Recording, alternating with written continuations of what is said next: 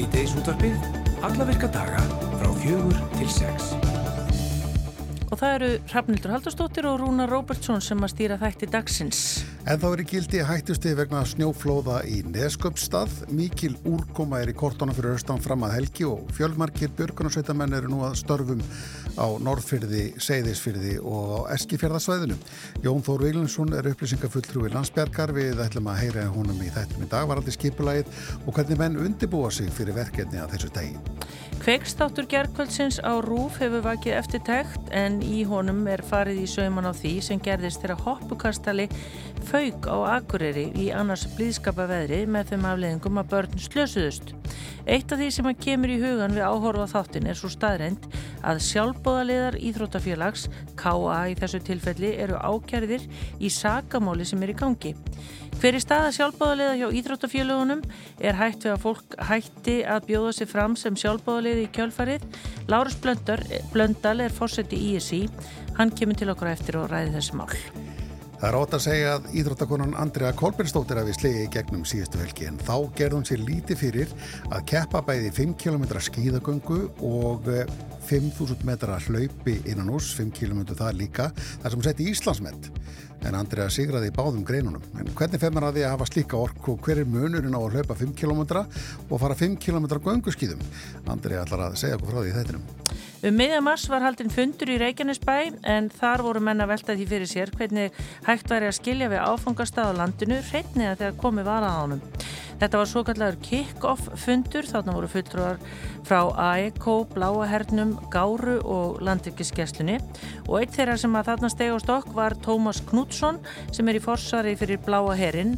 Hann hefur starfað við þetta í fjöldamörg ár, 20 ár 28 ár ef okkur e, skjáttlast ekki og hann hefur miklar og sterkar skoðanir á því hvernig við getum gert landi okkar hreitna og betra.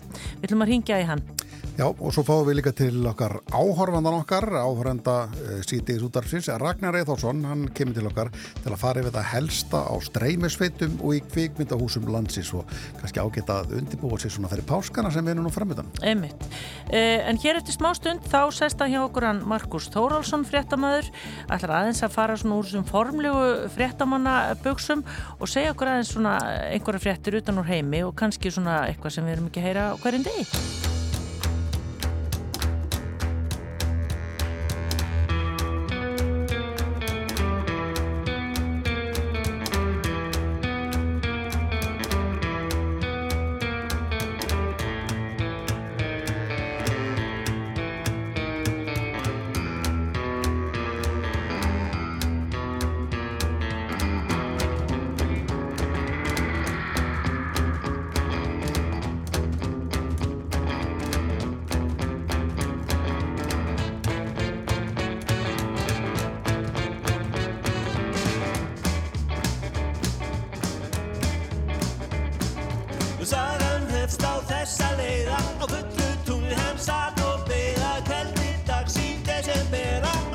Eins og vera ber ok.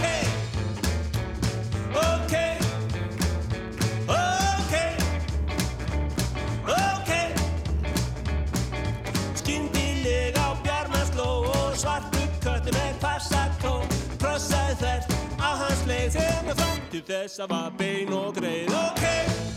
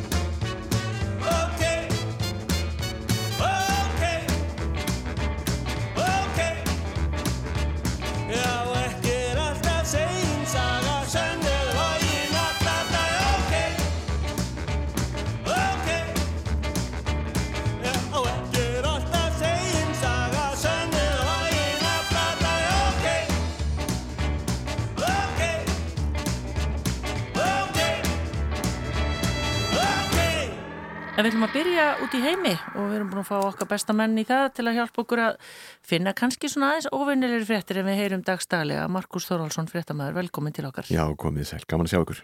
Sömulegis, hvað er hérna, hvað er allar að byrja með okkur á þeysi reyðinni? Ég ætla að byrja með ykkur í París í gær. Þá uh, voru það uh, hinn alþjóðlegu mannreitindasamtök Amnesty International sem að gaggríndu raunverulega heimsbyðina.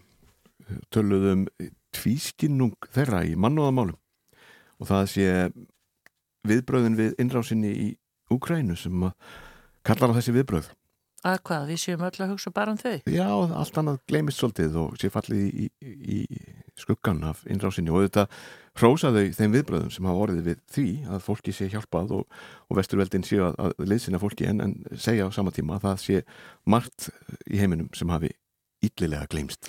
Er það þannig að þetta sé umræðinu eða er bara er hjálpar mann og ja, hjálpar starfi hægt á þessu stöðu? Það dreyði úr því, uh, vantar fjö uh, og uh, til dæmis voru nú stopnarnir saminuðu þjóðana fyrir skemstu að segja að til dæmis til þess að geta leðsýnt í Jemen þá vantaði einhvern halvan miljard bandraketala þannig að það, það eru þetta peningunum í heiminum er misskipt eins og við vitum og uh, svo er það þetta að um leið og aðteklinn fer af einu yfir á annað að þá getur það líka gæst innan, innan uh, stopnana og stjórn, hjá stjórnvöldum. Og meiri segi eru stjórn, uh, stjórnir eða mannúða samtök gaggrínt fyrir að hafa glemt nokkrum mannstæðum átökum eins og í Jemen og í Eþjópíu og Mjanmar. Og Svo er það þetta, þessi skjelving sem að færa viðgangast víða um veröld. Ísrael hefur verið mikið í frettum upp á síkastið vegna gríðarlega umfangsmikill að mótmæla sem að veitus nú ætla svona, ekki að stíla árangra en gerðu það nú samt endað með því að Benjamin Netanyahu hlustaði á mótmælendur og varnamálar á þannig sinn og fleiri gaggrindur. Þannig að það var fresta þessar umræðu um að breytingar og réttar fars lögum landsins en ymmiðtast fleiri er í gangi í Ísrael og uh, gaggrínin snýr hjá Amnesty að því að uh, það gleimist þetta framferði Ísraelsmanna gegn palestinumönnum sem að Amnesty segir að sé raunverulega uh, svipað og uh, apartheid mm -hmm. á mhm. sínum tíma í, til dæmis í Suður Afríku sem að margir munu nú eftir og var barist hatramlega gegn og uh, hún var mjög uh, harðorð hún Agnes Kalamart, framkvæmtastjóri Amnesty þegar hún var að greina frá þessu í, í höll í París í, í gær og manni finnst það hafa verið svo lengi í gangi Já. að þetta sko, maður skilur það alveg að maður er auðvitað ekki að gleima eða fólk er ekki að gleima en þetta er bara eitthvað svo endalust Þetta er endalust og svo er það oft hann heimsbyðin horfir á þessi þetta, þessa atbyrðarsalla eins og einhvert fólkbólstalik sumir halda með palestínumönnum og aðri halda með Ísælsmönnum en meðan glema kannski að bara halda með mannúðinni því þetta hlýtur að snerta alla svona allt vennilegt fólk mm. þannig að, og ég held að það sé nú kannski hluta stílabóðunum sem að eh, Amnesty er að reyna að senda með þessari gaggríni sinni í áskýslu fyrir árið 2022 ah. Svo er bandaríkinn eh, sérstaklega gaggrínt fyrir að reyka 2000 ræktra hætímanna á brott sem að Amnesty segir endur smegli að var rasísk viðhorf og um, svo er hitt að uh, Sáti Arabia þykir nú ekki standa sér vel í mannúðamálum og það er til þeim sagt að heimsbyðin þegi þó að uh, gaggrínendur í stjórnarinnar séu neftir í varðhald. Og á einu degi á senast ári voru 81 mannessi tekin að lífiðar heimsbyðin segir og uh, svo eru þetta uh, Eþjópi, nei, Egiptaland fær líka á baukinn í þessari, þessari skýslu fyrir svipað og uh, Íran heimsbyðin láti sig sér í litlu Lettur um í litja þó að konur séu myrtar út á göttum fyrir það eitt að vilja ekki bera slæðu eða vilja syngja og dansa og, og lifa bara eðlu lífi. Og þar hafa nú verið mótmæli og það er aldrei refsa fyrir það. Aldeilis og við nú eftir að sjá og, og býtu nálinu með það allt saman því að uh, nú hefur kannski eitt slegið svolítið fréttathögn á Íran frá því að ímislegt uh, annað fór að taka taka aðdeglina og þetta er auðvitað voða sorglegt en einmitt Íran og, og Sáti-Arabia er að komast í fréttina núna út af því að e, kínverjar komu á samkómulegi núna 10. mars milli þeirra þessara ríkja þeir funduðu með utanríkis e, ráðherranum e, þeim e, prins Faisal bin Faran og Hossein Amir Abdolian sem er utanríkis ráðherra Írans og Sáti-Arabíu og e, þeir ætla að koma á stjórnmálsambanda nýju það er sjö ár síðan þeir slitu stjórnmálusambandi eftir mikla róstur til dæmis í, í Teheran eftir að sátar tóku e, mikinn trúarleitóga lífi sem að e, var til þess að það var allt brjála þannig að milli þessari ríkja. Og það má ekki gleyma því að þessi tvö ríki Íran eru sítar e, sunni muslimar ráðandi í Sáti-Arabíu og þeir eru stiðja hvort sinn stríðandi aðilan í Sýrlandi sem er eitt af þessum glimtu stríðum núna. Það er alltaf eitthvað að gera starf, bandaríkjaman voru að gera það loftar og sér til að hefna fyrir, fyrir ára á sér á, á herbúður þeirra þannig að það er endalus átök út um allan heim sem við kannski heyrum minna af um þessar stundir. En það getur orðið til þess þessi, þessi fríðarumleitun og ef að það verður að fundi þessar tvekja utanríkisráðara e, núna í lok Ramadan senustu vikuna eða næst senustu vikuna í apríl þá ákveði þessi ríki að hætta að skipta sér af steyðinu í Sílandi og það, við þurfum að spyrja okkur hvaða áhrif getur það haft á, á þau átök. Mm -hmm. Þannig að við vorum svolítið á stríðs hrjáðum svæðum þessa þennan daginn en, og, og það var vantilega nefnt uh, Afganistan á þessum jú, lista? Jú, svo Afganistan á þessum lista. Vist einhvern veginn, bara allir hafa glemt því sem er að gerast þar. Já, þar var Það fer svo mikil áherslu á bara eitthvað annað. Já, já, þetta svona kemur og fer uh, það var sprengju tilræði, sjálfsmós sprengju tilræði fyrir nokkrum dögum við utanrikkisráðuneyti Afganistan í, í Kabul sex fólust í því þeirri áras og þetta er annað skipti á þessu ári sem að gerður allaga að utanrikkisráðuneytinu og, og með þessum hætti sjálfsmórs sprengju allaga og uh, það er, virðist nú vera sem að hriðiverka samtök sem að kenna sig við Íslands ríki séu nú alveg að hreiðra sig um, um sig þarna og ætla sér að ég vil að ráðast er allegu kannski mögulega gegn stjórninni, við vitum það auðvitað ekki. En þetta er, þetta er allavega þar er, er vond að vera En það er líka búið að tala um það svona svolítið í gegnum tíðina síðust ára að Jemin hefur alveg glemst einhvern veginn bara í umræðinu mér að segja. Það er mik mikið látöku í Jemin. Og hræð, ja, það verður degið úr þeim en þetta er hræðilegt ástandar. Uh, mesta mannu að krísa í veröldinu og ég man ekki hvort að það eru 70-80% sem búa við fátæktamörk. Já.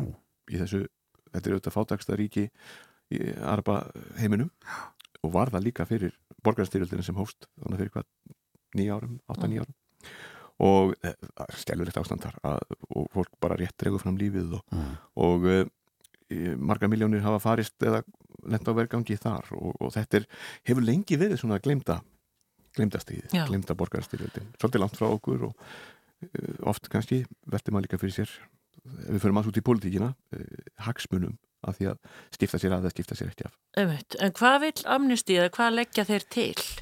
Að fólk, ég menna, almenningur getur náttúrulega bara lítið gert. Almenningur getur lítið gert en það er að gaggrína stjórnvöld og segja í raunni bara í, í stíslunni að það sé ekkert útlitt fyrir að, að það eh, stríðið í í Ukrænu eh, á viðbröðin við þeim sé verði eitthvað fordæmi fyrir viðbröðum við þeim ógnum sem stæðja fólki út um allan heim. Nei. þannig að það er svona eitthvað svart síni stótni í, í þessari stíslu amnesti en, en hvetur þetta til þess að, að mannreitindamálinn verið tekinn harðari tökum og, og það eru þetta verið að reyna að við sjáum ofta öryggisræðið og ímsa stopnarnir saminuð þjóðan eru að, að reyna eitthvað en það skortir bara peningar líka. Mm. þannig að það er kannski spurning hvort að eh, við bara sem veröld þurfum að fara að hugsa einhvern veginn öðru í sig en ég ætla nú ekki að gerast mjög politískur Nei, þetta eru bara þessu, þetta eru bara fréttinnar að þessu Já. og öllu saman sem er ekki, ekki neitt sérstaklega fallegt. Nei Þú, þú ætlaði að þess að hérna, fara yfir á léttari nótur. Við Já. vorum að tala um hérna gullmúla sem fannst í gær. Já, Rúnar náttúrulega stjændi það fyrir mig með því að ljóstur upp um hann í gær en það er þetta gaman að vera náttúrulega... út að lappa. Já, með, með hérna leitatækir. Já, málleitatækir sitt eins og maður gerir og, og finna bara gull að verða með eitthvað 22 miljónar króna. Já, hugsaðir. Hvað var þetta aftur? Í Ástralíu og ég held að þetta væri mitt sko Þetta myndi bara finnast í stórum námum núna og það er bara svona stórum námufyrirtæki sem að myndi ná einhverju svona en ekki bara einhver gægir sem fór í tómsöndabúðin og kipti sér málmlitatæki. Ég held að hann hafi alveg verið ánað með dagsverkið en, en það náttúrulega bara spurning hvað hann er búin að vafra lengi um eðamörskinni að leita þessum eina móla. Já. Það er svo, svo er spurning hvað tímaköpið er, maður veit það ekki. En þetta er svona eins og þegar maður fær loksinsvinningi hattrættinu 20 skallið eitthvað, vá, heyrðu, ég vann. En hvað er ég búin að borga mikið fyrir mig. En, en þetta er bara snettilegt svo þetta bara vonust við til að fá gull, silfur eða brons í Eurovision. Já, ertu með eitthvað nýtt það? Það var bara eitthvað að fara að breyta atriðinu og hlökkum til að sjá að, hvernig það verður. Já. það má ekki fyrta of mikið. Nei. en ég sé að margir eru að fagna því að hún ætli mögulega að leggja til hliðar þessi jakkaföld sem hún var í, Já, í aðtöðinu já. Ég held að ég nú hef ekki heyrt að ég að breyta læginu eitthvað að ráði en, en einhverja hafa nú að tala um að vanti kannski pínu hækkun en ég verði að fylgjast með uh, viðbröðum og margir einmitt segja já, heyrðu, og hækkun meiri segja. Þannig að þetta er, ég held að þetta sé svona eitt af, af leindu gullmónunum í Eurovision þetta ári, Já, okkar það verður spennandi að sjá þetta því að hérna, svo kemur þetta vídeo og eftir það má engu breyta. Nei, Nei, mér er samt alltaf skemmtur þetta umræðan um, Eurovision þegar hópurinn er komin út Já. og frettin er eitthvað heim yfir hvað og rosalegur áhí á blaðamannafundunum hjá íslenska hópnum. Og maður verður veltir út fyrir sér hvaða tilgangi eða hvaða sko árangrið það skilar því að sko ekki fóðu við fregnir af, af blaðamannafundunum hjá uh, pólverum eða, eða skilur við þannig að hérna eh, við einhvern veginn fylgist bara með okkar og ætla þess ekki sama með alla þjóðir. Flestir. fylgist bara með sínum undankeppnir þegar að þetta byrjar svo og hafa ég vel skoðan því hvaða lag hefði átt að fara fyrir hönd svartfjallalans eða eitthvað. Það gerist nú en daginn bara þegar að Diljó var hann í í Barcelona Já. en kom henni svo sem ekkert við en, en það var púað á einhverja flytjendur vegna þess að hópurinn sem var stattur hann var stutt í lægi sem var lent í öðru seti í viðkomandi landi, þetta er galið er þegar við komum með keppendur þá hefur við bara að hafa gaman að þetta er bara grín, þetta er engin döðansalvara þetta er Eurovision já, sem á að vera bros, gleði og hamingja og stuðlað friði í heiminum eins og Amnesty International hverfst núna í skýslunni sinni sem var byrkt í gerða fyrir dag. Já, þetta var svona tenging hjá hann og Markus og gaman að enda á Júruvísson því að eins og hlustundu vita þá höfum við líka fengið Markus einu sinni í þáttinn og ætlum að gera það aftur núna til þess að hérna, fara yfir keppendur og keppnina og svona því hann er algjör sérfræðingur. Já, já, já. ekki algjör en ég svona Já, hann veit ímislegt. Ég leynir á þér. Hann leynir á þér, svo eh, getur maður grafið eitthvað Markus Þórusson, fréttamaður, takk hjá fyrir að koma til okkar og fara að segja þetta með okkur. takk fyrir að bjóða mér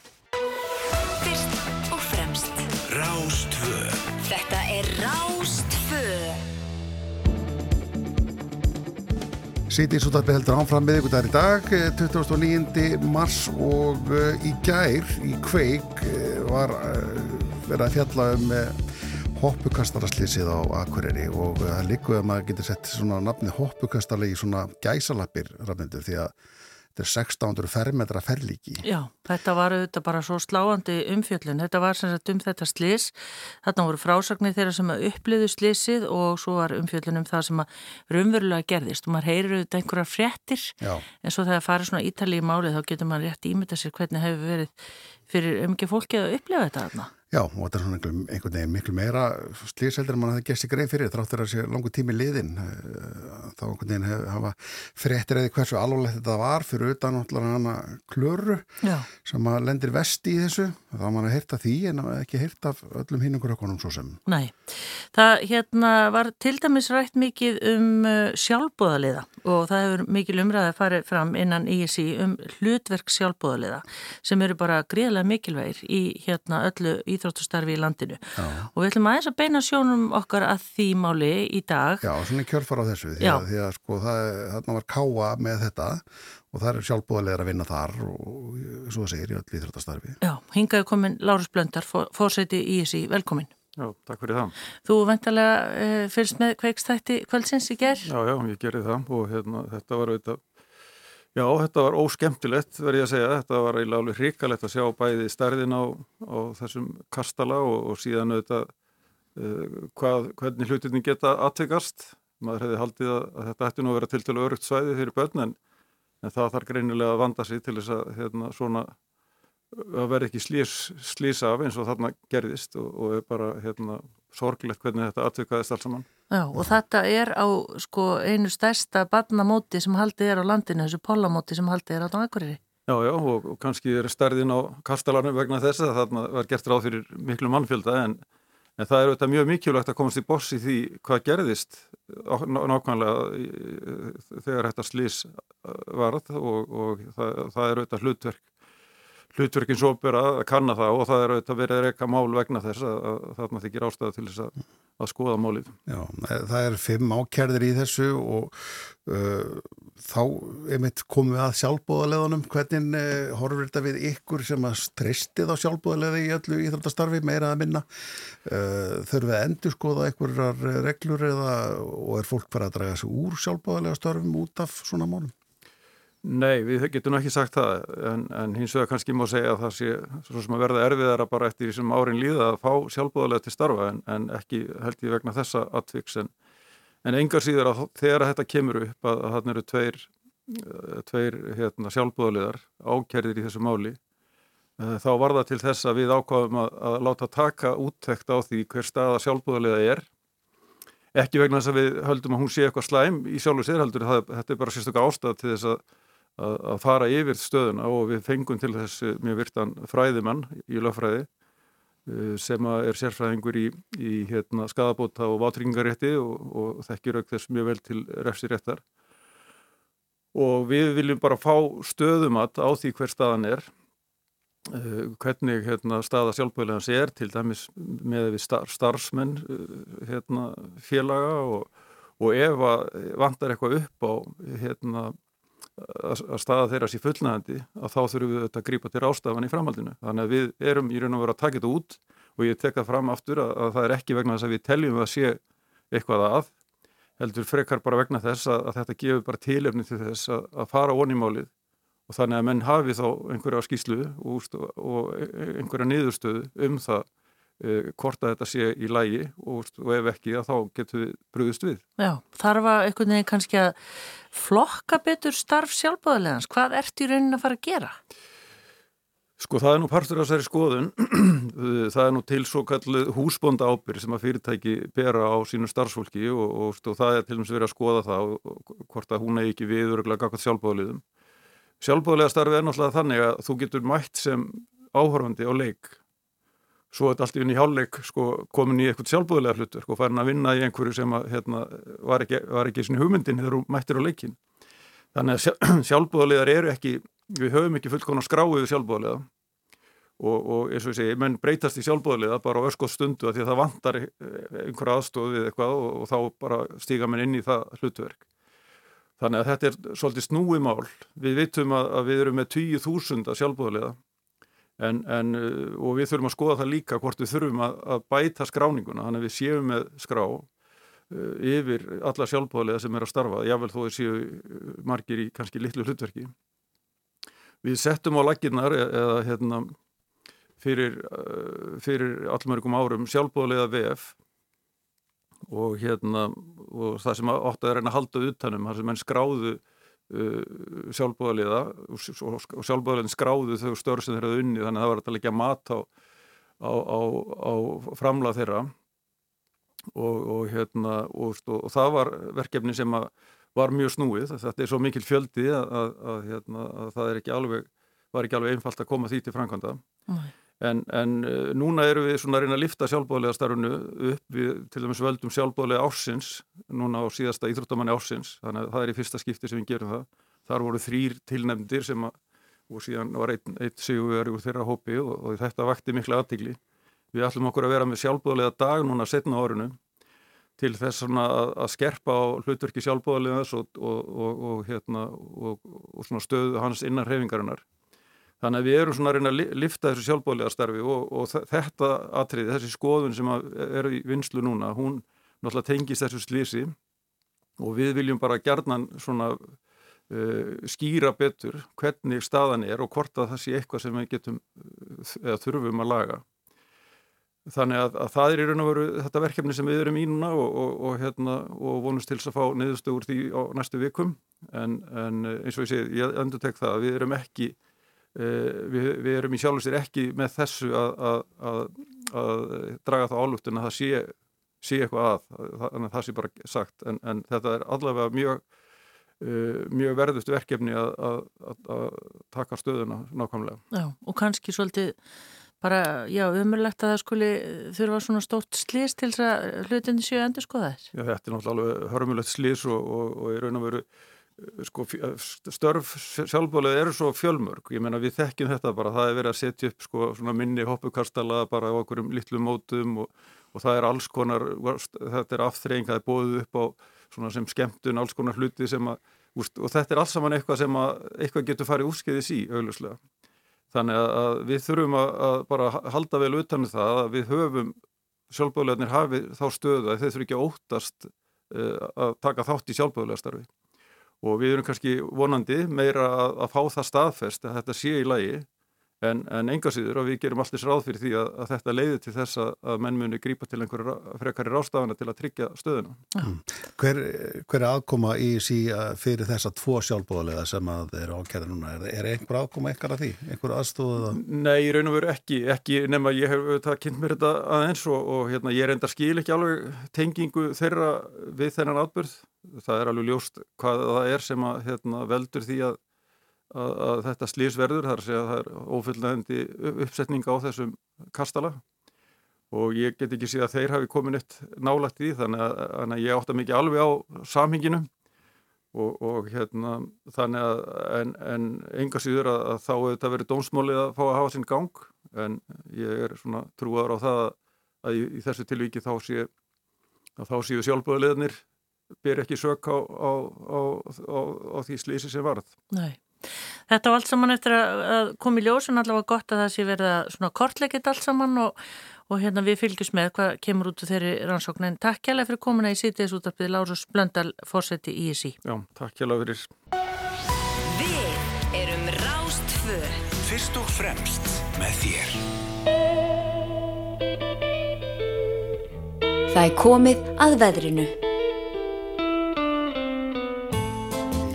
kíkjum til eh, viðus. Það er appisynningul viðvörun vegna viðus á austfjörðum og almannavarni vilja beina því til fólks á, á svæðin að vera ekkit á ferðinni. Frá með kvöldinni í kvöld á meðan þetta gengur yfir. Er ekkit að fælast neitt á milli en eh, það er óvissusteg vegna snjófláða hættu á austfjörðum. Hættusteg er ekki í neskulstað, segðisfyrði og eskifyrði og eh, það er að mikið að fylgjast bara með þessu. Það er absolutt viðverðin eins og það segir vegna e, veðurs á austverðum framöndan veður lýsingin er þannig. E, veður horfur á landinu segi ég. Norðaustan og austan 15 til 23 metrar á sekundu síðst á landinu og rigning með köplum austan 8 til 15 metrar á sekundu annar staðar og lengst að úrkomi lítið á norðurlandi. Hiti eittir 60 en ált frostmarkjum landi norðaustanverð talsveð slitta eða snjókama austast á landinu í kvöld Auðslag á 10 til 18 metrar á sekundum morgun en hægar er söð vestalands. Rykning geta slitta með köplum og hiti 2 til 10 stík. En snjókam á norðaustan til með hitan á frostmarki og ánfram talsverð úrkoma austast á landinu og uh, hún ætlar að, verða svolítið mikil austast á landinu virist vera. Eh, Viður horfur á höfuborgarsvæðinu næsta sólaringinu austan 8-15 metrar á sekundardaldir rigning, kvassast á kjallanessi dregur vindi á morgun, norðaustlag 8-3-8 eftir háti og rigning með köplum hitti 4-9 stig. Já, þetta er eh, það er miskipt gæðan að kemur á veðrinu á landinu. Og eh, á austfjörðum segir hérna viðstofan að það er austan og norðaustan 8-13 metrar sekund og snjókomið að slitta en úrkomið minna norðan til hiti í kringum frostmark, bætir í ofan komi í kvöld, austan og norðaustan 10-15 og talsverð snjókoma í nóttu á morgun en reikning sunna til á austfjörðum um hádega morgun hiti 0-5 stig Það er um að gera að hafa þetta allt saman í huga. Hér á ettir eh, hjá okkur í sítiðsútarpinu þá er það áhorfandin okkar Hann Ragnar Eitharsson eh, kikið til okkur og eh, mæli með einhver til að horfa eitthvað til að horfa á uh, um páskana til að mynda.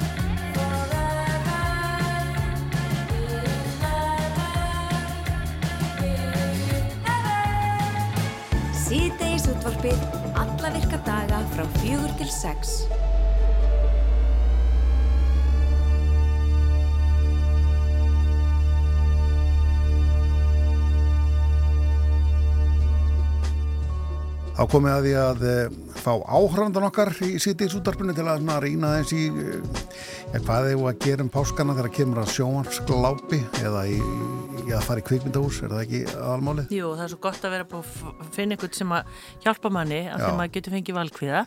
Já, það kemur fyrir að maður seti oft bara hálftíma svona fletta hvað já, maður að horfa á. Já, ummitt, en ég hef ekki þurft að eftir að við fengum Ragnar Eithórsson okkar mann til að hérna, finna að það allra besta allstaðar. Velkomin. Já, það hei, gana, nú erum við komin aftur. Hvað hérna, ef við að byrja, það er náttúrulega páskar í næstu viku. Jú, það er frábært alltaf að geta nýtt sko páskamyndinar, páskafríið með börnunum sérstaklega, þeir náttúrulega fara úr skólunum. Þannig að það eru að tenni, við frekaðum bara að vera inn í myrkrinu með pop og kók. Það er aðeins að byrta Ragnar. Já. en ég var að byrja á, á hérna Netflix? Já, við sem sagt, ég leita aðeins og segir að það er best að horfa á. Já. og það var þunnur 13. því við erum miður Já, ég, er svolítið sammála.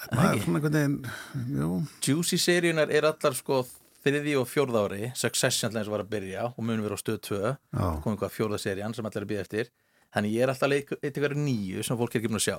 Og Netflix var The Night Agent byggt á svona uh, spennisögu það fjallar um svona FBI mannesku sem að hún er hent pín í kjallarum á kvítahásunu að svara síma sem er bara hringt í af ídrustu nöðsin og ég hef aldrei gert það, hann er gemtur aðna því hann er svona tengdu við ykkur mistyggi starfi. Svo er þetta hringi símin í fyrsta þætti. Og hann verður bara að leysa málinn sem var það þjóðarur ekki bandrikina af því að það er einhver svikari svo hátt settur og hann nærnæst í upp í The Oval Office, spóriskilaga hérna, fósetta mm. skrifstofana mm. og þetta er svona saga hans bara hvernig hann er að reyna að leysa málunum og gallin þetta er oftast er, er eitthvað svona sjarmærandi svona vöðabúnd eða klókona sem er að halda upp í stemningunni en mér finnst allir voða vanilu eitthvað í þessu. Veist, það er ekki svona já, hann stendur svo vel sko. Þetta er bara gauð sem er hérna í crossfit eða eitthvað, ég veit ekki. Það er ekki, ekki, ekki heit, hann heitlast ekki það manni það er ekki svona uh, leading man eða woman eða, eða Nei, ja, sem, er, sko, sem, þú, sem, sem hann bara, bara dregst að. Þeim eins og Reacher á Amazon. Já. hann alveg sko, ég hef aldrei séð leikar á þör en bara um leið og sér hann húst, í fyrsta aðrið, þá ertu dregin inn í þetta. Já. En hver er þá að leikan? Er þetta samkvæmt úr flestir ég segja sko, horror á þetta, þetta er búið spennandi svo bara gleymur þessu. Já, já. Þetta svona... En þetta er kannski, þá er þetta bara fína aðfreyð Já, þetta er páskarífari, sko. Já, þetta er á Netflix og heitir Night Agent. A Night Agent, þannig ég fór í algjörli hináttina og fór í romantíska gamindir og það er skemmt þetta við þessa þetta er sem sagt á uh, Disney Plus? á Disney Plus, hún heitir Up Here og, og það er náttúrulega romantísku gamindir voru svona að eiga sitt stæsta tímabil í lok aldarinnar síðustu mm. þegar Meg Ryan og öll voru að gera svo hluti í New York og svo leiðis og þetta gerist árið 1999 og þetta fjallar um stelpu sem að segir upp uh, kærastónum eða unnustanum og feti New York til að gerast uh, hvað, höfundur, bókuhundur no. nema það að hennar lífi er pínu stjórnað af manneskinum í huga sér. Mammenar fyrirvendi vinkonna og pappinar og öll sem er svona yfir þyrmandi svona personur í hugmyndaflöginar þannig að allar ákveðinir dregnur út af því hvernig þau muna tólkarinn aðgerðnar Já, já, hún er svona að hlusta á, á, á innri rattinar innri rattir, rattir sínar. Já, já það eru mjög söngalskar og dansandi og þetta er svona, þetta er sko Þetta er söngleikur. Þetta er söngleikur, þetta er, er romantísk svona romcom sem er líka söng og dans og, og, og skrifað af þeim sem er gera Hamilton tónlistina. Mm. og hún fellir fyrir manni sem vinnir í svona á Wall Street og hann er með sama vandamál. Inn í huga hans eru þrjár manneskur sem að stýra lífin hans. Uh mhm. -huh. mammans maðurinn sem að svaf hjá fyrirvendi kærstanars og ykkur einamanniska og þau eru öll svona fá hann til að raunni hlusta sig fyrir ekki að fylgja sinni í hjarta. Já, ég sé hérna báðar personunar hérna hérna mömmu á bakinu. Já, maður ég ætla ekki að var ekki út í allen sem var svo fein þegar var hérna, var hann látið hverfa hann fór hérna, Já, endað í skíunum Já, fór til Tauramanns og það, hann, hann let mömmans hverfa. Já. og það er allir í skelvingu í salnum nema út í allen, hann er mjög gladur Þannig að þetta er svona romkom og það er gaman líka að því að hún gerist 1999 að því að það er erfiðast við svona romantísk íslenska gamendur í dag er allir með snjálfsíma og bara hanga á tindir og ef þetta er ekki gangu upp þá fyrir bara næsta. Þannig hér er þetta svona rivju upp ára gamlu góða taktana þegar fólk fór á stefnum út og var að við næst. Svo up here, up, up here. here, ok. Nú, Egu þá að fara í bíó? Já, ég hef nefnilega alltaf að fara á John Wick. Ég hafði ekki tíma, þetta er þryggja tíma ræma. Þegar ég veit ekki alveg hversu marga menn hún er text að, að, að þetta er John Wick fjögur Já. þannig þeir aðeins búin að auka við adrenalínið. Og ég veit ekki hvort eftir þrjí tíma einhver er eftir í borginni sko. Eða almennt fylkinu hann er, hann er bara í hemdarhugurinn að verja sig hvart hann er allir svona fyrirhundi leigumán ekki? Og eftir honum eru öll stærstu glæpagengin í landinu. Þannig ég veit ekki hversu, ef fólk veit hvað John Wick er þá þarf maður ekki að útskýra fyrir þeim Mm. John Wick 4 En af hverju er allar bíómyndir svona langar í dag? Ég veit það, þetta er nefnilega, þessi mynd hefur verið frábæra á svona 90 mínútum. Já. en hún fyrir býð þrjá tíma Þetta er, þetta er eitthvað tengt eins og streymisveitum að fólk geti pásað og Já. þá, en, en í bí og þrýr tímar þú ert bara orðin umur í rassinum Já. liggur við Já, já. reyndar eru svo góð sæti í bíónum í dag, það er ekki það Já, endur maður að sjá hann í nýju ég ætti að fara í nýja sali hann í, í, í kringlunni Já. hann er skeggjaðar, Já, þau getum ekki svona parasæti þannig þið liggi bara svona tvö lifi hlið Og hrjótið? að vísi þar að já, þannig er þar Jæja, Og- þetta er í bíó. og bíó og svo kemur líka myndin 65 sem er tilvöndun í miljón þetta er uh, geimfæri sem að brotlendir á dölhulli plánutum og það er bara allt á kafi í reysæðalum og hann er þarna reynir bara að halda lífinu. Þetta er svona Jurassic Park á styrum og hérna nema þetta með geislabissum og læti að þetta er í framtíðinni og þetta er geimfarar og eitthvað svoleiðis. Þannig að fyrir fólk sem vill alveg hasar og læti þá finnir bara stæsta salin með góða hátalara og fara á Ha- 65 Það er smá Star Trek líkt af þessu. Einhver Já. einn þáttir í Star Trek seríunni. Get ég ímynda með það sem er enda okkur í plánutum Jú, þeir enda eitthvað stærri risæli planetum Já, ég held það. og þetta er hann Adam Driver, Óskarsvöluna Já, já. leikari sko. Það kemur úr Star Wars, Star Wars líka sko. Já, náttúrulega lík hérna batnabat svartiða Kylo Ren Kylo Ren. Já, já. þannig að þetta er núna í bíó Þetta er það sem er í bíó, en síðan eru myndir að koma Um í helgina. bíó, um helgina. og það er, ég er svo spennt og ég og vinni mínir þetta er sem sagt, þetta er drekar og difflisur bíómyndin, þegar við kannski mun eftir þessu hlutverkaleik sem er búin að vera núna Er ekki nóg að vera bara búin að sjá Astropíu, þá veit maður þetta Já, Ástrabíón alltaf beðist á fólki sem spilaði drekar og difflisur Já. og þeir reyndu á tímbil að gera einhverja bíómynd sem var svona, já, já, tók sér full alvarlega þeir eru miklu meira núna að fara í svona, svona bara gamamynd, svona hæst, svona rán þetta er hópur á æfinturumönnum sem er að ræna einhverjum töfurugrip undan einhverjum illum seðikvöldum nema þeir eru náttúrulega að velja bara svona skemmtilega svona hasaleikara eins og hérna hann Chris Pine sem hefur verið hérna hvað var hann, hann var í Wonder Woman og verið fleiri veist, og þetta er svona Og Hugh létt- Grant, og ekki Hugh Grant, gleyma. ég, hann er svona óþokkin er samt ekki sko, sjarmanandi þjóður sem að ræður ríkjum hann þannig að þetta er svona miklu meiri æfintýri heldur nokk tíðan þú veist að þetta er, þeir leifa, þeir vita að þeir eru að byggja þetta út frá borðspili Já, þannig að þeir eru ekkert að taka svo alvarlega. Nei, ok. Og ég er búin að spila Drego Difflust í 30 ár þannig ég bara lakka mjög til að sjá Já, hvernig þetta kemur um helgina. gerum helgina. Og svo er það Apple TV Plus. Já, það er nefnilega þeir sem Apple þá það er að því að það verður búið til enn aðra tölvuleiki mynd og þetta er Tetris. Og ég hef búin að lesa um þessa mynd í mörg ár þetta þess að vera þrjár myndir.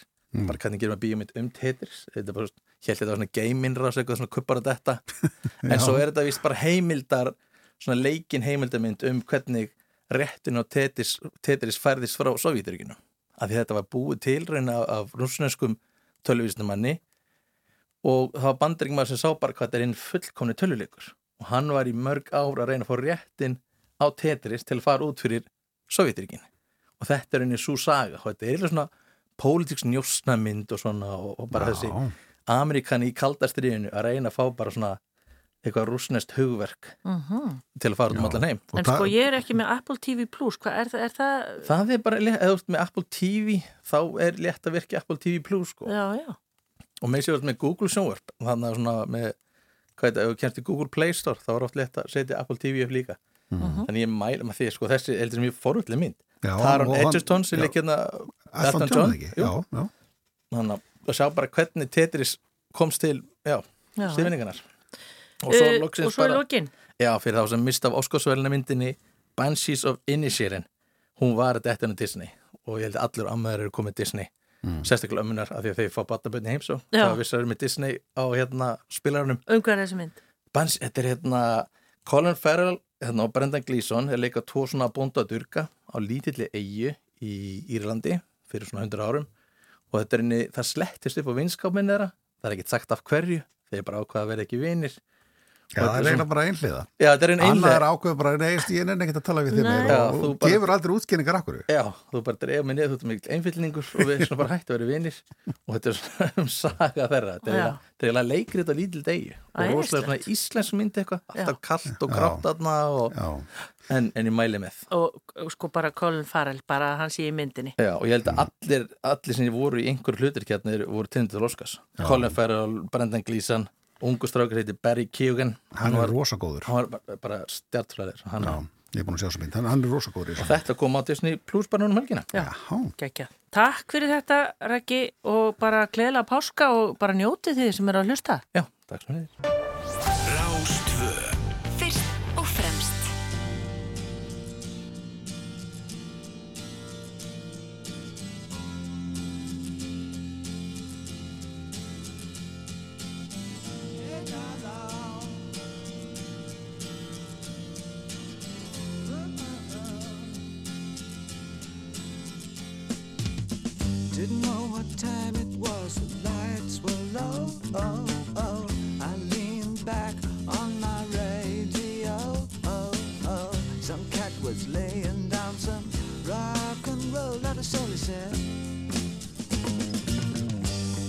the loud sound it seemed to fade. Came back like a slow voice on a wave of fade. That weren't no DJ, that was hazy cosmic jive. There's a starman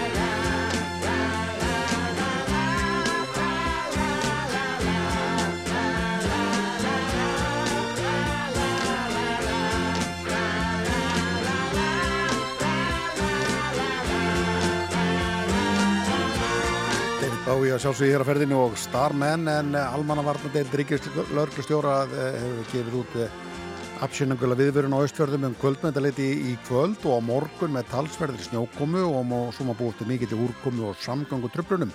Vegna þess að eru vegfærandur vinsast bærinu ver ekki að ferðinni að óþörfu á þessu svæði. Tilkynning frá almannavarnadeild ríkislörglustjóra en líðar að frettin hjá okkur. Frettir á slæginu klukkan 5 og heldur áfram í sítið sútarpinu.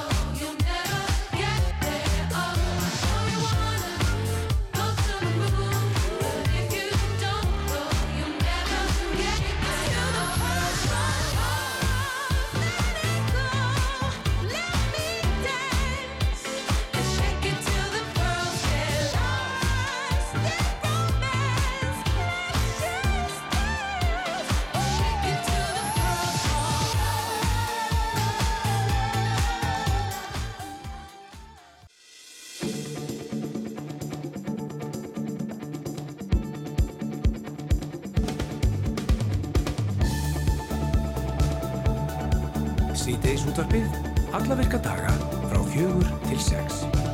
Við höldum áfram í síðdeis útdarpinu uh, þann til klukkan 6, Rúnar Róbensson og Rafnendur Halldórsdóttir og það sem við ætlum að gera uh, hér á ettir að uh, við ætlum að uh, fá til okkar afregskonu. Já, hún heitir Andrea uh, Kolbensdóttir og ég bara get ekki hægt að hugsa um hennar dugnað og við hérna ákváðum að fá hana til okkar. Hún nefnilega hljóp uh, og hérna fór á gönguskiði en hún gerði það ekki bara. Hún fór 5.000 metra í hvoru uh, fyrir sig, uh, sem sagt 5.000 metra eða 5 kilometra, vann bæði mótin, setti Íslandsmet og bara, já, við ætlum að heyra hvernig þetta er hægt og, og hérna heyra og kynna stæðis þessari konu. Og svo ætlum við líka að tala við mann sem hefur hreinsað strandlengjuna og, og alls konar svæði í fjöldamörgar, hann heitir Tómas Knútsson Mitt, en uh, hér eftir smá stund að þá ætlum við að taka aðeins stöðuna fyrir austan. Já, ringjum í Jón Þór Viljótsson sem er upplýsingafylltrúi hjá Landsbjörg og ætlum aðeins að taka stöðuna þar á bæ Mitt, en fyrst er þetta buppi sunnundagar með lögataskvöldi í fanginu.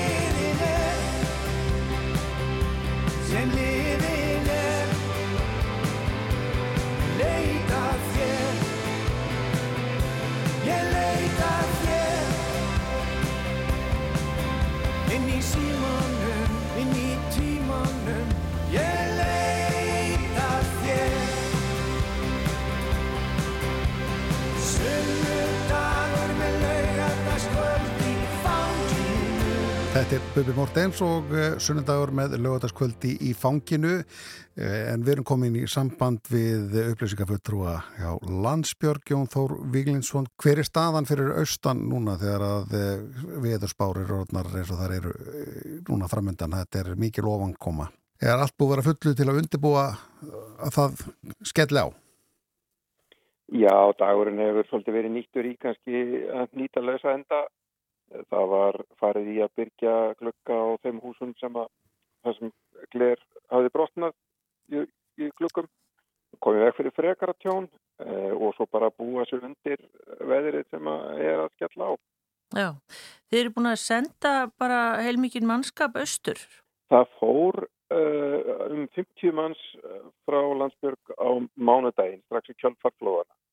Östur og Eildæði, þau eru nú öll komið niður á fyrði, bæði niður á Norrfjörð, Eskifjörð og Seyðisfjörð og síðan sendum við í dag aukamannskap fyrir aðgerðastjórn. Sendum 12 aðgerðastjóra og 8 með þeim í önuverkefni. Því að það er aðgerðastjórnum þarna eru núna mannaðar sólarhengsvöktum, þannig að það veitir ekki af að, að hafa auka fólk svo að aðri geti kvilti. Já, hafa menn ágjörða því að það komi meiri, eða svona fleiri snjóflóð eftir þess að ofan komur sem er spáð?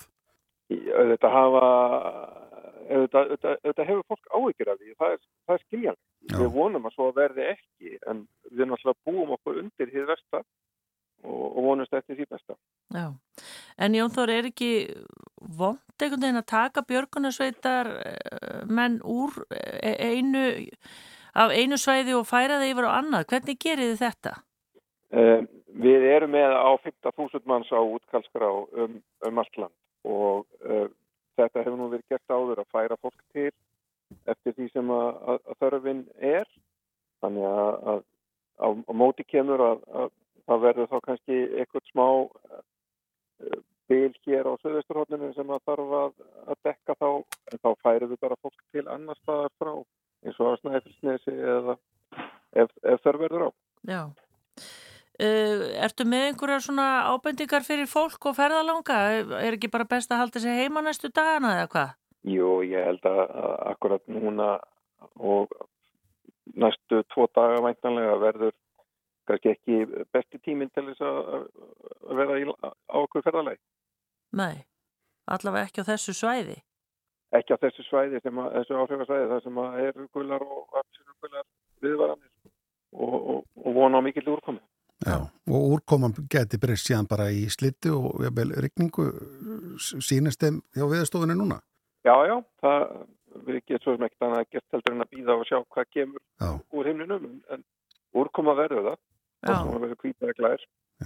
Ég las eitthvað, eitthvað frétt fyrir í dag, Jón Þór, um Norrænu Uh, hafið þið eitthvað ágjur af fólki sem er að koma með norrannu? Já, í augnablikinu er fjárðarheiðin ófær þannig að það er ljóst að, að fólk sem að koma með norrannu í dag eða kemur, ég veit ekki hvort að skipið er komið uh, fer ekki frá segðisviti þannig að Og vita það, það ekki allir?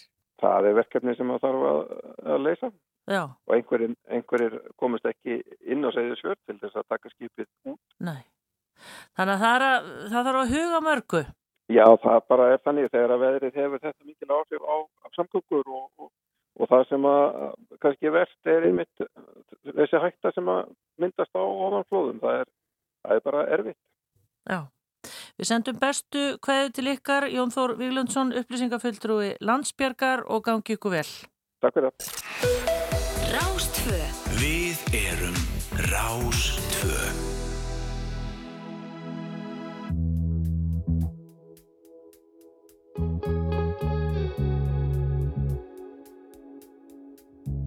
Hún er svo sætt Með svona heilbreyða húð sem þarf aldrei að meika Hún er bóttið heimsk Eða með frekar slappan persónuleika Og hún er svo klár Alltaf langkæst og svo vakant og einbeitt. Það er eitthvað að Því félagslífið er þá alltaf neitt neitt.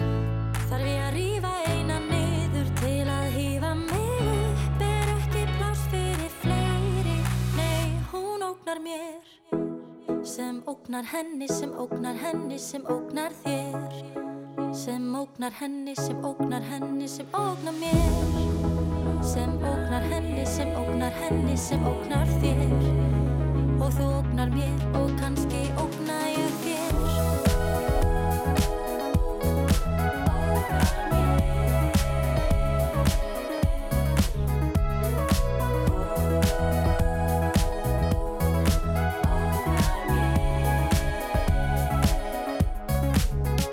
Hún er svo flink. Hún kann á gítar og bassa sem strákarnir fíla En ég hef nú heyrt að það sé svolítið erfitt við hana að díla.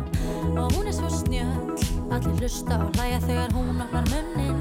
En eftir tvö ár verður fræðarsól hennar eflaust úr brunnin. Þar ég að rífa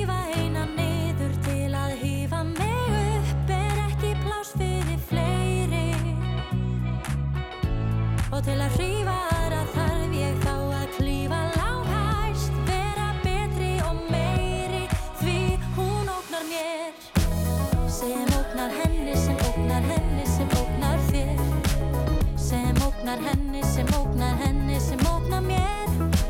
Sem ógnar henni, sem ógnar henni, sem ógnar þér. Og þú ógnar mér og kannski ógna ég þér. En er það að segja um aðra stelpu að hún sé sæt og klár og frábær eins og að auðsa vatni og brunni með takmörkuðu vatni? Ef ég gef þér tek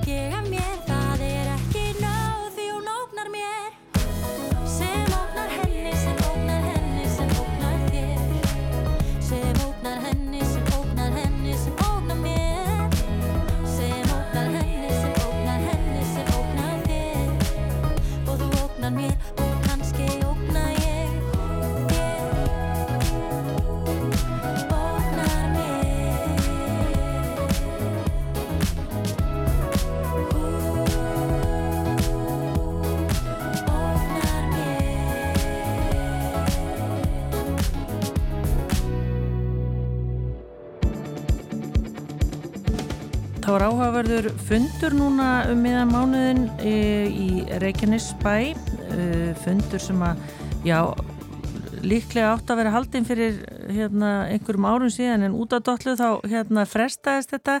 þetta. Það var stort hérna, spurt þarna, fyrirsögnin sem við sáum hér í vikufréttum er, er hægt að skilja við áfungastæðin hreitni en þegar þú komst á honum og uh, þarna voru aðilar eins og hérna, Landryggiskeslan, AEK, Blái Herin, Gára, Clean Up Æsland og fleiri. Eh, við erum komin í samband við mann sem að þarna steg á stokk og, og, og hérna uh, tjáði sig um Ímis Mál, hann er Tómas Jóð Knútsson og er stofnandi Bláa Hersins og hann er á línni. Gott að sæla að blæsaði Tómas. Heil og sæl. Já, eins og sagði mér í símanum uh, áðan, þá er þetta eitthvað neginn verkefni sem að fóra aðeins á ís. Og við vorum búin að gera allt klappa og klárt þarna og tilbúin að bretta upp ermar þá kom þetta smá viðvik við í heimsmálunum og það er bara, fór það bara á ís þangað til að það var búið. Já. En hvað, hvað voru það að ræða hann? Hver, hver er staðin hjá okkur? Erum við bara umhverjus óðar punktur? Ég er nú stundum þessi partíkillir hérna og mér leiðist það ekkert að benda á það að við getum gert mikið betra og mjög mörgum sögum sko. Já. Þetta verkefni sem að við erum að fara í, þetta náttúrulega náðu við bara að slípa betur til og undirbú okkur þannig að þetta, þetta eru þessi litlu skemmtöfraskip sem er að bóða komu sína til Íslands og í bóði á að vera að reyna að fara með fólkið sem þetta eru þessi skemmtöfraskip með 200 til 500 manns hámarkum borð og þau eru gaggjert að koma hinga til þess að njóta íslenskrar náttúru og fara svona hinga og þanga í land og, en vilja líka jafnframt fara í fjörur, þá koma þau á svona sótjagbátum og fara í fjörur þar sem að má þrýfa með eigundum, með hérna landeigundum eða, eða sveitarfólkinu sem að býr í þessari því sveitarfélagi, hinga á þanga á landi. Og við erum búin að svona eirnamerkja nokkur svæði og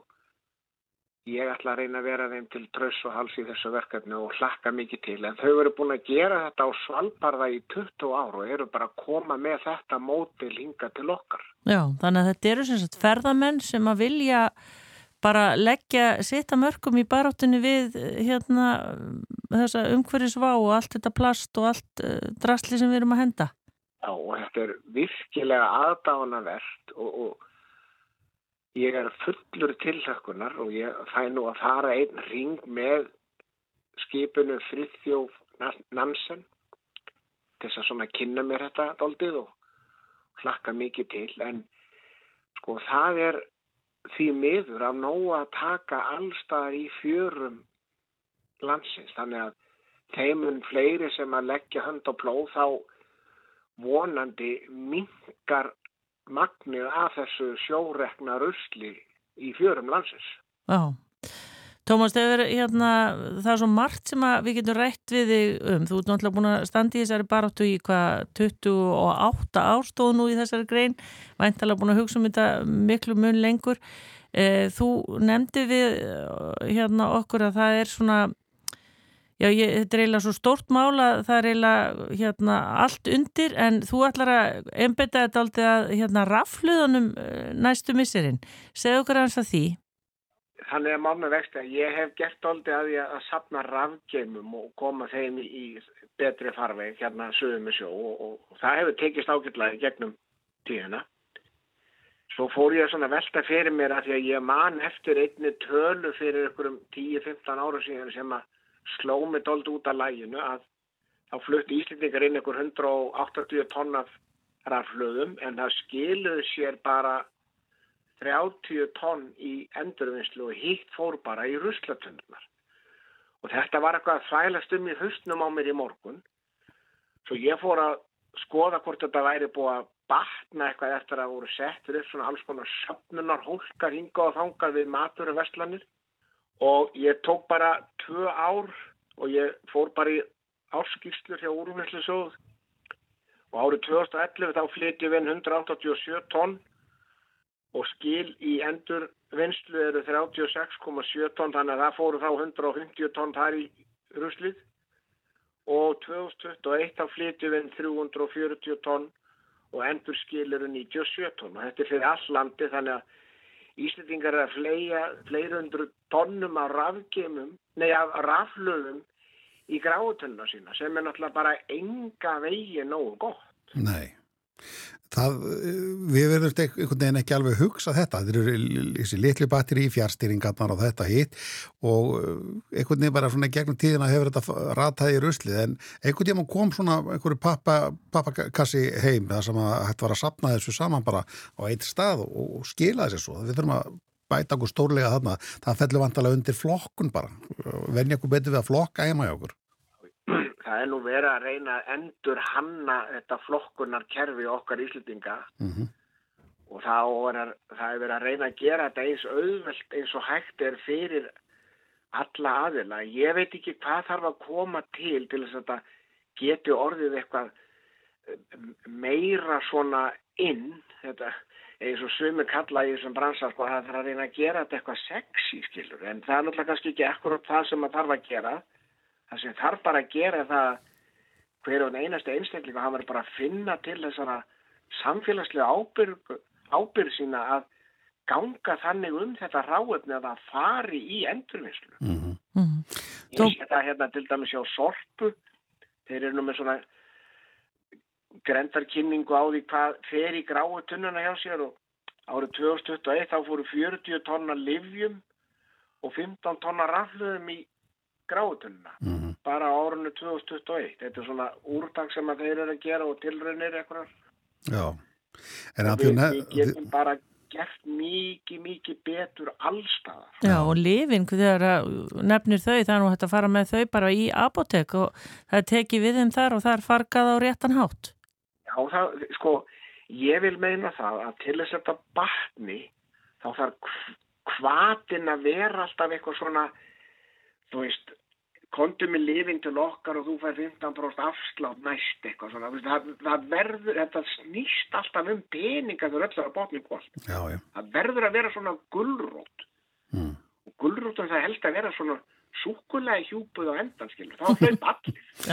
Mér, veist aðtiklisvært samt að, að, sko, að hugsa þetta líka þannig með lifin að, að koma þessi apotek að ef þú setur þetta í ruslið þá endar þetta í, hjá einhverju dýri þú veist, þetta, er- þetta er urðað einhver staðar og ef, ef, ef að svo er, ef þetta fer ekki í brennslu, ef þetta er urðað þá það er einhvert saklust dýr sem enda með að borða einhverja pillur sem eru stórættulegar og mm. ef maður hugsa þetta bara út frá þeirri velferð til að vera kvartning fyrir mann og endurvinnslu ferlar, þeir eru fyrst og fremst til þess að tryggja öryggi um, um, þeir, hérna, um það ráefni sem er að falla til. Ég get alveg sagt okkur það að einn svona sorgarsaga, ég er alltaf að safna rafgeim og þetta er svona í ákveðnu ferli hérna hjá mér sögum sjó. Svo er einhverju farnar að stela rafgeimum, hella sírun ekstra niður og bræða blíð. Þetta er náttúrulega bara ferlega leiðilegt. Mhm.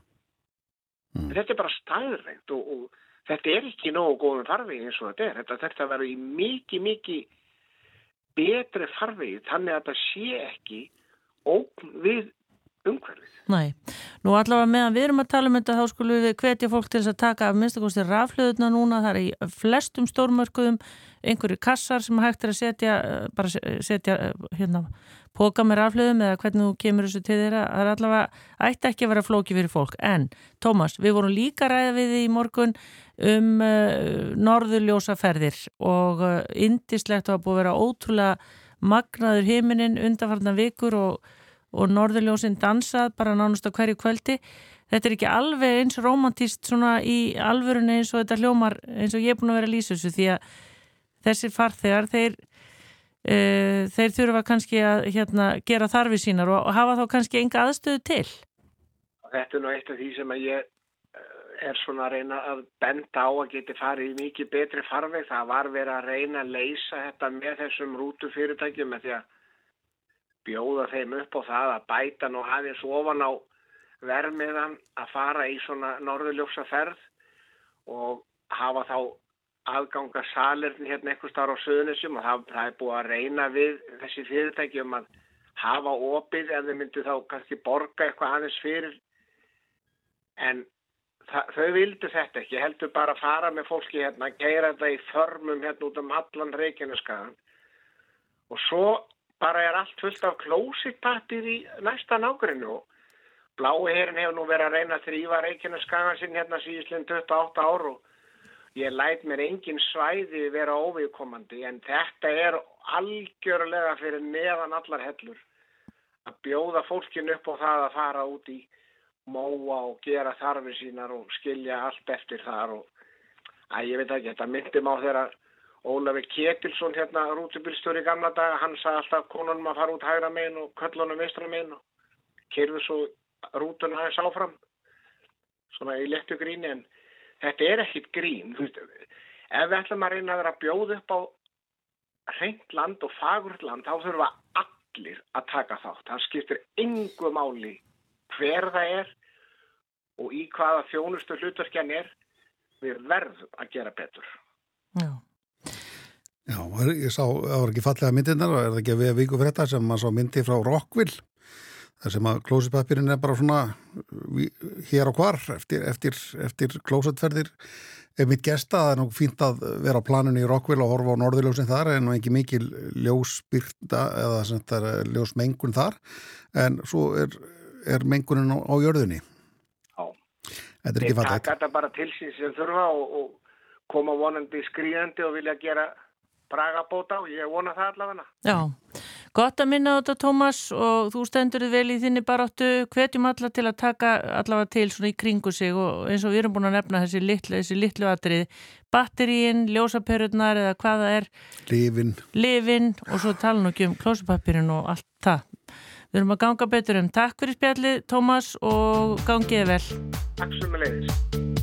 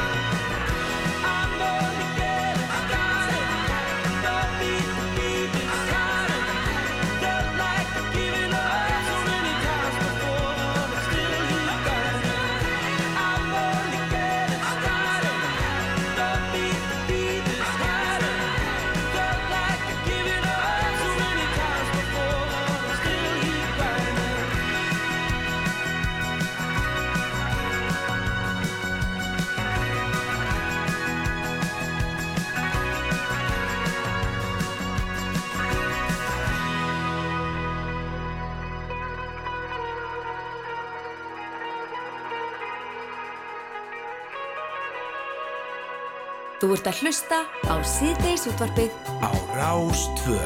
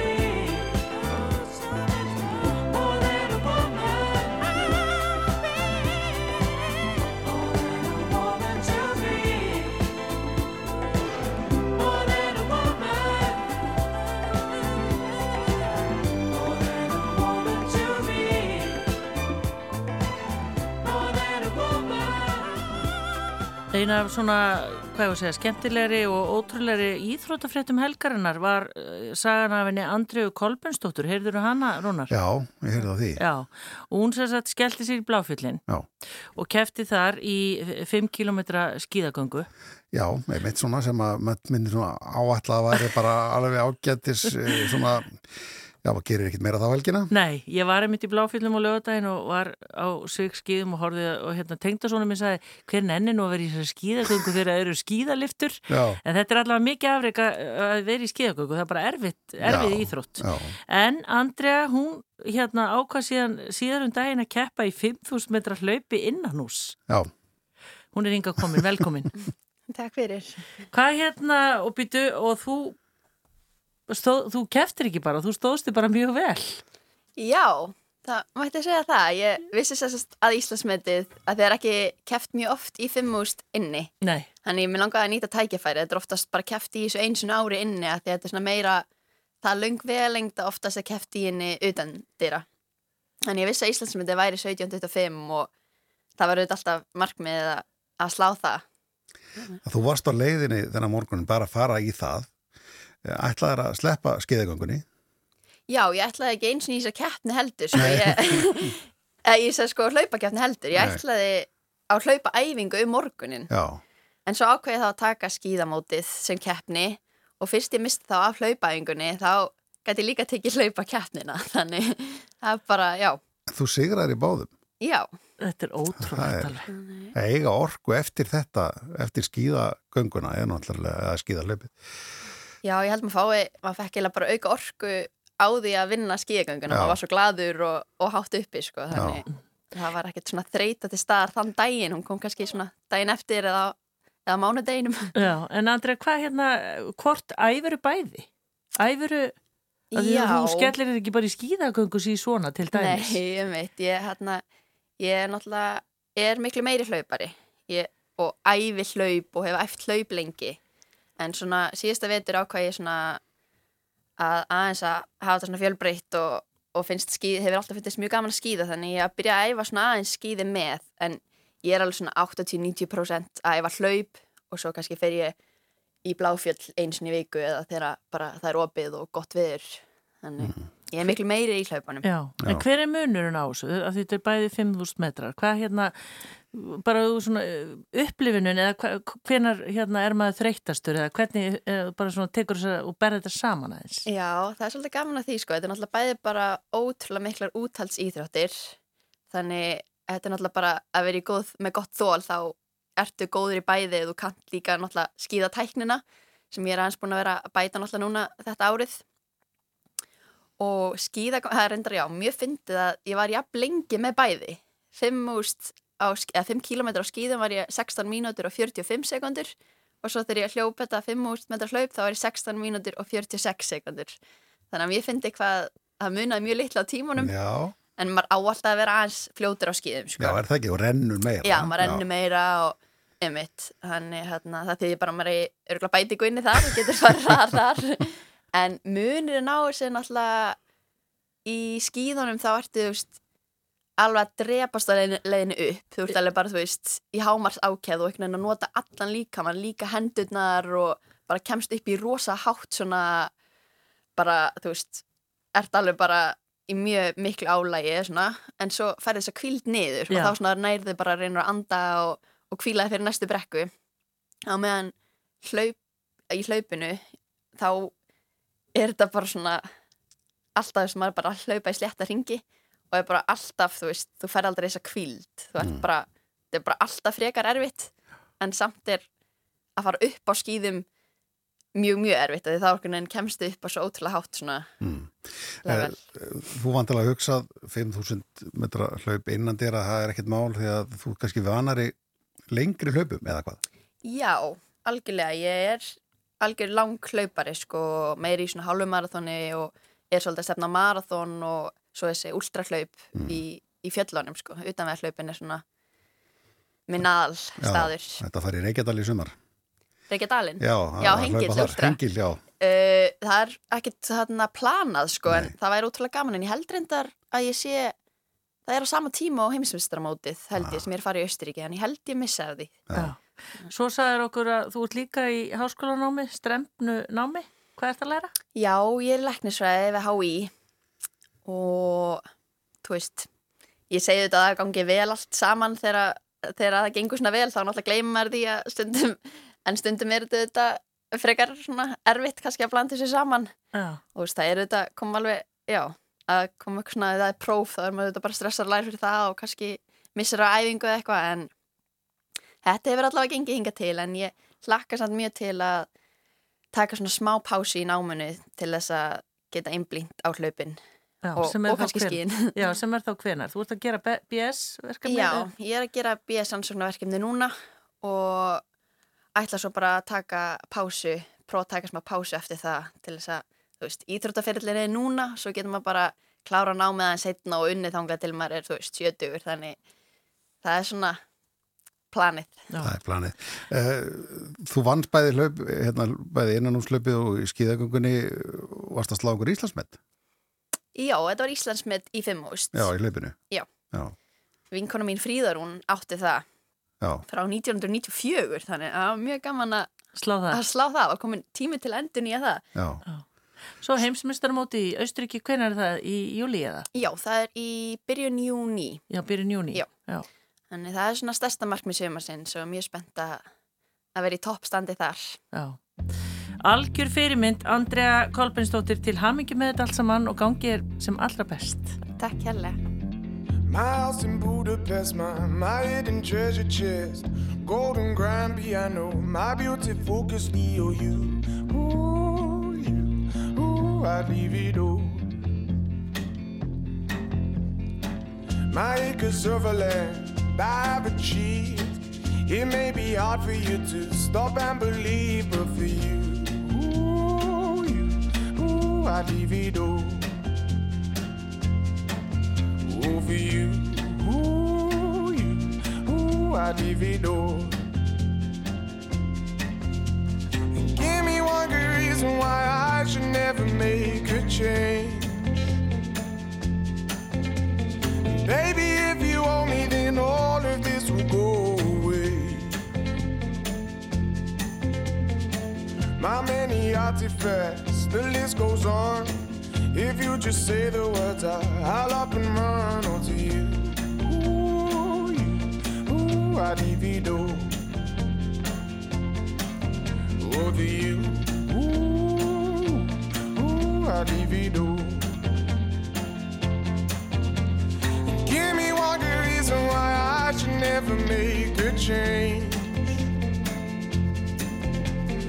Baby, if you owe me, then all of this will go away. Give me one good reason why I should never make a change. Baby,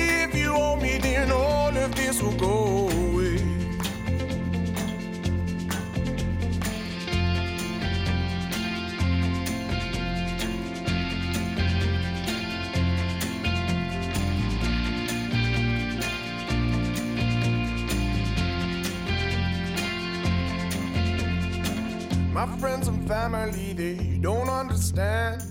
They fear they'll lose so much if you take my hand, but for you, ooh, you, ooh, I'd lose it all. Ooh, for you, ooh, you, ooh, I'd lose it all.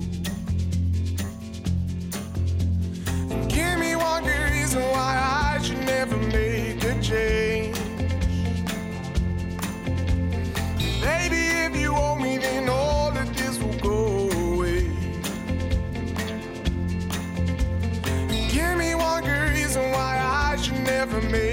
Change. Baby, if you me, then all of this will go away. My house in Budapest, my, my hidden treasure chest, golden grand piano, my beautiful Castillo, you, ooh, you, ooh, I'd leave it all.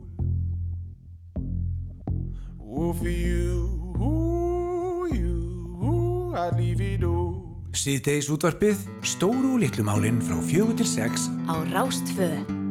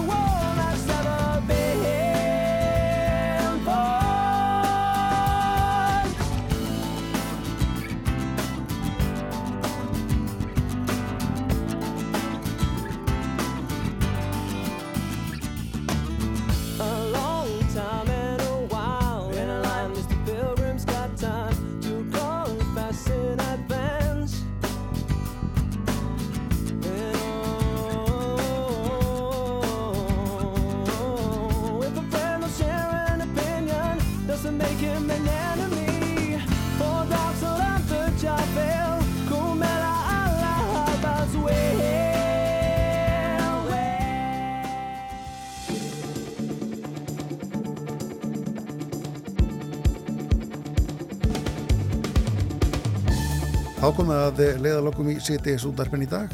Einmitt það, við erum búin að koma víða við eins og vennilega, hann var hjá okkur hann Markus Stórálsson fréttamaður, við rættum aðeins fréttir utan úr heimi og svo var það kveiks þáttur gerðkvöldsins. Já, já, mitt, þið rættum við Lárus Bröndal hjá ISI um stöðu sjálfbóðulega í íþrættarreiningunni, mjög áhafrið spjall við, við Lárus. Já, nú síðan kom hún til okkar íþróttakonan, uh, já við séum bara ársins, hún var allavega síðustu helgi, hún heitir Andrea Kolbensdóttir, gerði sér lítið fyrir og hljóp 5.000 metra og göngu skýði 5.000 metra og vann bæði múti. Já, já, setti Íslandsmetra svona, já, já. bara svona líkuð að maður getur sagt bara svona fyrir hátíð, það var enda fyrir og eftir hátíð, en já, hérna, hérna.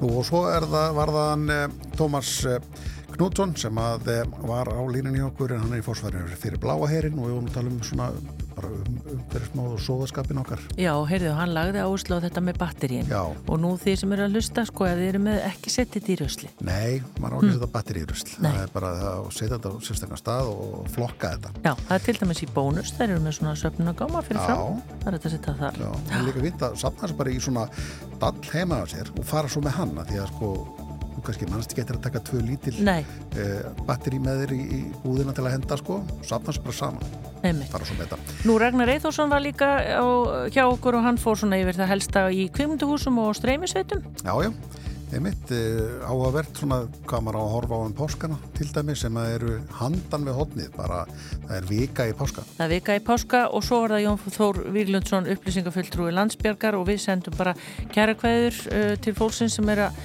Já, eiginlega bara svona býða eftir að veðrinu sloti þarna. Já, einmitt fyrir austan setjum hlýja hverju þangar fari varlega og, og bara um að gera að hlýja því sem að sett fyrir mann af, af fólkinu, hérna björgunstaf fólki og löðruglu og almannavörnum og öllu því. Einmitt.